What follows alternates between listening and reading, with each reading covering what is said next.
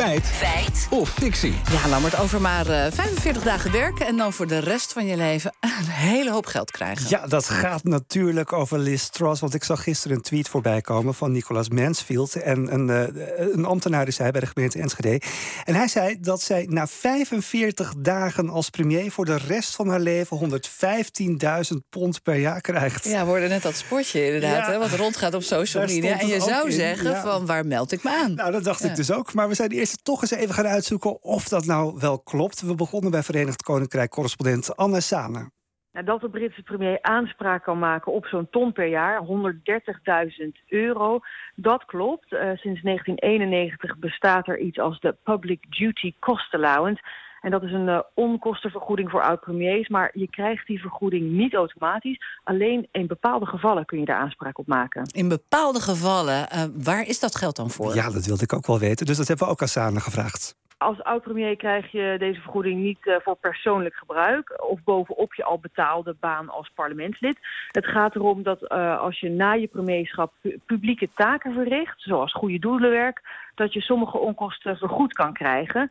Um, zoals bijvoorbeeld de politiebeveiliging, het in dienst nemen van een secretaresse of een social media manager, kantoorkosten. Dat zijn zaken die je allemaal kunt uh, uh, declareren.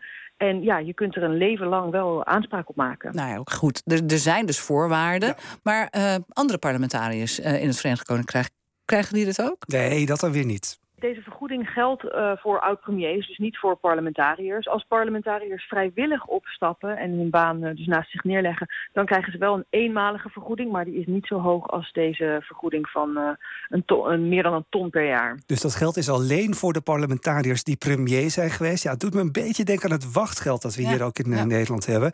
Um, toen zijn we gaan bellen met Joshua Lievestro... in het verleden politiek adviseur bij de Conservatieven. En hij zei dat er inderdaad overeenkomsten zijn. De ophef is een beetje vergelijkbaar, ja. Want we hebben af en toe ook wel eens een, een staatssecretaris of zo... die dan uh, na één dag weer opstapt. Omdat er een gat in het uh, cv blijft zitten. Uh, en dat levert dan meestal wel toestanden op. En dan worden wel uitgebreid op gewezen... dat die persoon niet dat wachtgeld moet accepteren. En dat heb je hier nu ook een beetje. Nou, staatssecretaris, dat, dat was Filomena Bijlhout, hè? Van de ja, zij was in 2002 kort, zeven uur staatssecretaris. Eat that list trust voordat ze weer vertrok.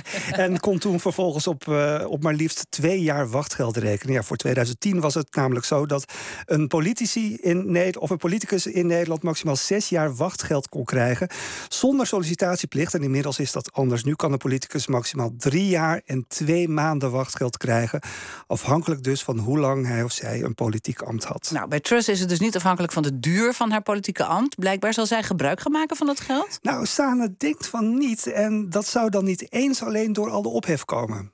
Het is natuurlijk nu wel de vraag hoeveel publieke taken Liz Truss zal gaan verrichten. Want op dit moment kan ik me nauwelijks voorstellen dat uh, veel gevraagd zal gaan worden voor goede doelenwerk of voor werk als uh, public speaker. Het is op dit moment namelijk niet echt uh, de meest populaire premier van Groot-Brittannië. Thatcher was niet zo'n populaire premier. Die wordt nu nog gehaat in grote delen van Engeland. Liz wilde ironisch genoeg op Margaret Thatcher lijken. En ja, qua populariteit heeft ze daar uh, in ieder geval aan voldaan. Ja, Oké, okay. komen we er, ja, bij de aanvraag, Lammert. Feit of fictie? Het is een feit. De Britse premier kan inderdaad voor de rest van zijn of haar leven aanspraak maken op meer dan een ton per jaar. Maar dat geld krijg je wel alleen in bepaalde gevallen. Het is niet voor persoonlijk gebruik, maar bijvoorbeeld voor als je uh, na je premierschap publieke taken gaat verrichten. Oké. Okay.